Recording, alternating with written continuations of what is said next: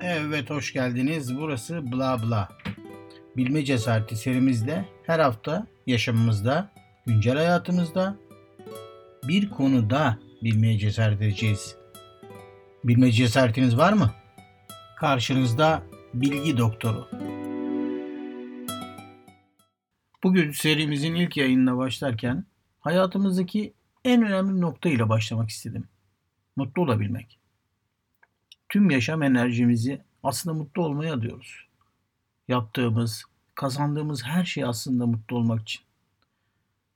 Öyle dememiş mi Aristoteles bundan yaklaşık 2000 yıl önce oğluna ithaf ettiği 10 bölümlük bir kitabında Nikomakos'a etik eserinde yani yaşamın nihai amacının mutluluğa ulaşmak olduğunu söylüyordu. Dolayısıyla mutluluğu hem anda olması istenen hem de ulaşılması istenen bir durum ya da oluş olarak tanımlayabiliriz. Burada aktarmaya çalışacağım bilgi genellikle Deniz Prager'in yazdıkları ve anlattıklarından yapılan alıntıları da içeren bir çerçevede olacak. Şimdi sizden bu anlatacaklarımı gözlerinize canlandırmanızı istiyorum. Arkadaşınız ile uzun süredir beklediğiniz sanatçının sergisinin geldiğinin mesajını görüyorsunuz e-mailinizde. Hem çok seviniyor hem de heyecanlanıyorsunuz. Hemen arkadaşınıza haber veriyorsunuz. Arkasından hızlı bir plan ve serginin olduğu galeriye gidiyorsunuz. Galeriye heyecanla giriyorsunuz. Aylardır bekliyorsunuz bu sanatçının sergisini. Müthiş eserler olduğunu düşünüyorsunuz. Tabii galeri de çok güzel döşenmiş, dekore edilmiş. O ne? Çivi tavan döşemesinin renk ahengine hayran kalıyorsunuz. Tavandan gözlerinizi alamıyorsunuz. Ah, o da ne? Tam tavanın sağ kenarının ortasında bir çininin eksik olduğunu fark ediyorsunuz. Sadece bir tane. Dikkatinizi nereye yoğunlaştırırsınız? Ya da şöyle sorayım. En çok neye bakardınız? evet.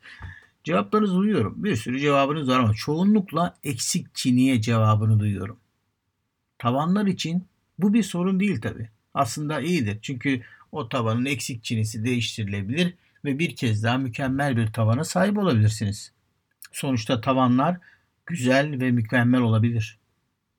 Ancak bu yaşam için geçerli değil.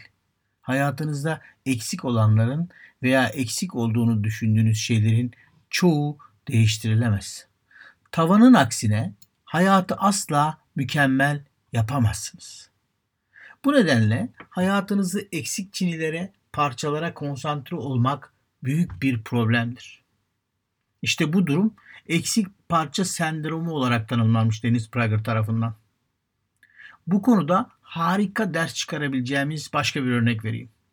Saçları olmayan tırnak içinde kel bir adam bir keresinde bana biliyor musun ne zaman insanlarla dolu bir odaya girsem tek gördüğüm saç. Bunu duyduğumda biraz şaşırdım ama hemen fark ettim ki bu adam dünyayı benim gördüğümden tamamen farklı görüyor. Çünkü benim saçlarım var. Bir odaya girdiğimde saçlara dikkat etmiyor. Fark bile etmiyorum. Bu benim için eksik bir parça değil ama bu kişinin tek gördüğü şey saç. Aslında bakıldığında bu bir şekilde herkes için geçerli. Bacaklarının kusurlu olduğunu düşünen bir kadın bir odaya girdiğinde gördüğü tek şey mükemmel bacaklar. Ya da yıllar önce kısırlık sorunlarıyla mücadele eden bir arkadaşım vardı. Bana gittiği her yerde gördüğü tek şeyin hamile kadınlar ve bebekler olduğuydu. Nereye gidersem gideyim tek gördüğüm hamile kadınlar diye yakınıyordu. Şimdi bu kadını örnek alalım. Bu nasıl olabilir? Ama gördüğü tek şey bu. Çünkü hamile kalmak istiyor ve hamile kalamıyordu.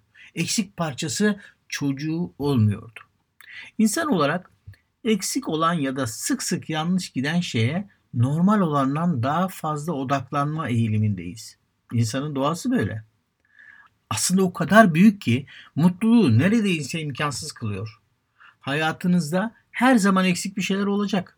Başkalarının çocuklarını gördüğünüzde eksik parçalar gözünüzün önüne gelecek. Düşüneceksiniz. Tanrım çocuklarım neden bu kadar çok çalışmıyor?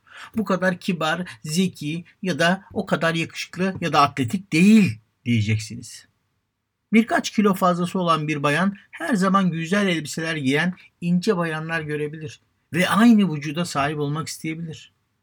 Bu her şey için, eşlerimiz, işimiz, bakışlarımız için geçerli. Liste sonsuz arkadaşlar. Prager'dan bir örnek daha aktarayım. Bekar bir arkadaşım tırnak içinde doğru kadını bulma çalışmalarında ilk olarak gelecekteki eşinde aranacak en önemli özelliği belirlediğini söyledi. Neredeyse her randevudan sonra hep beni arayarak bu gece bir kadındaki en önemli özelliği belirledim derdi. Ve her zaman tamam ne oldu derdim. Sonra sabırla dinlerdim. Bir gece bana bu özelliğin zeka olduğunu söylerdi. Başka bir gece görünüşün, başka bir gece kişiliğin ve yine başka bir gece nezaketin. Her zamanki gibi bir gece beni bir akşamın ardından aradı ve dedi ki sonunda bir kadındaki en önemli özelliğin ne olduğunu anladım. İşte bu sefer tamam ne oldu demedim. Bunun yerine bana söyleme ben söyleyeyim dostum dedim. Şaşkınlıkla sordu. Nasıl biliyorsun? Çıktığım kadını bile tanımıyorsun. Önemli değil dedim. Bu geceki kadının eksik olan özelliği ne ise senin bir kadında aradığın en önemli özellik o. Bir müddet hiçbir şey söyleyemedi. Ve sonra haklısın dedi. O geceki randevusunda kadındaki eksik olan şey bir kadındaki en önemli özellik olarak söyleyeceği şeydi. İşte Prager henüz eksik parça sendromu olarak tanımlamamıştı ama arkadaşı bu yüzden acı çekiyordu. İşte bu hayatımızda çoğumuz için tipik bir durum. Her zaman bir ya da iki parça eksiktir. İster kişisel hayatımızda, ister profesyonel hayatımızda. Kendimizi elimizde olmayanlarla tanımlamaya çalışırız. Bunun olumlu yanı da var tabii. Öğrenmeye, büyümeye, yaşam koşullarımızı iyileştirmeye ve odaklamaya devam etmemizdir. Ama her birimiz bizdeki eksik parçalara yoğunlaşarak kendimize oyun oynamaya ve mutluluğumuzun altını oymaya devam ederiz. Bence hepimiz bu durumdayız. Peki bunun belirtileri var mı diye sorarsanız evet. Eğer sizde umutsuzluk hissi, memnuniyetsizlik, güvensizlik hissi, yetersizlik ve çaresizlik, güvenilmezlik, saygısızlık hissi ve en önemlisi genelde aynı konularda eksiklik hissi ve devamlı bir kıyaslama hali varsa eksik parça sendromu yaşıyorsunuz demektir. Peki hepimizde varsa bunun için bir çözümsel yöntem ya da yollar var mı? Aslında var. Eksik parçanın sizi gerçekten rahatsız edip etmediğini netleştirmeniz lazım. Seni gerçekten etkiliyor mu? Birinci kural olayı netleştirin. Hayatınızdaki eksik parçaya gerçekten ihtiyacınız olup olmadığına karar verin. Karar vermek çok önemli. Buna ihtiyacım var mı yok mu? Durumu değiştirip değiştirmeyeceğinizi belirleyin. Durum değişikliği senin elinde mi? O gücünüz var mı?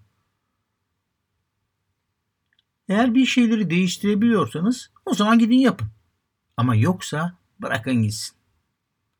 Bazen eksikliğiniz için alternatifler bulabilirsiniz.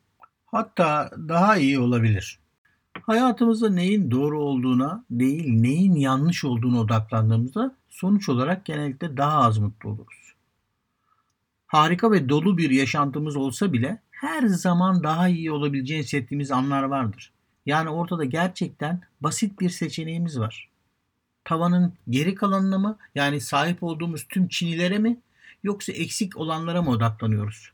Ne kadar mutlu olacağınızı büyük ölçüde bu sorunun cevabı belirleyecektir. Nereye odaklanıyorsunuz? Eksik parçaya mı, sahip olduklarınıza mı? Ben Bilgi Doktor. Bilme cesareti hep yanınızda olsun.